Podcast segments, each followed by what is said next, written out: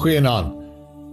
In 'n wêreld waar ons so baie slegte nuus verneem, raak dit moeilik om hoop te bied, want hoop met woorde te weerklank van jy verstaan nie.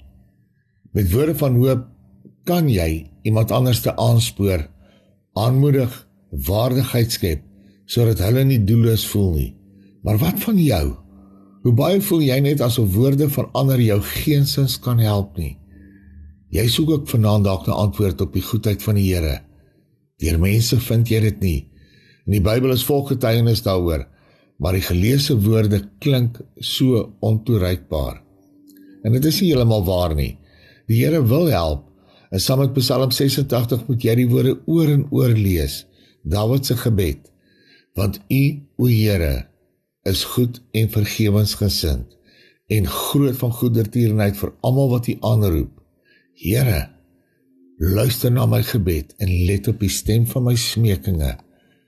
Dan kan jy ook erken dat die goedheid van die Here geen perke het nie. Dit ken geen perke nie, maar is 'n werklikheid op 'n tyd wat hy bestem. En wanneer ons hierdie gebed weer lees, besef ons dat hy in sy goedheid ook vergifnis bring. 'n Stille tevredenheid van wat in die verlede is, bly daar. Dit is jouself wat dit wat die Here versag het, vergewe het, lewendig hou. En sy goedertierenheid help jou ook selfs daarmee met jou seer, met jou onthou, jou bekommernisse en verlange.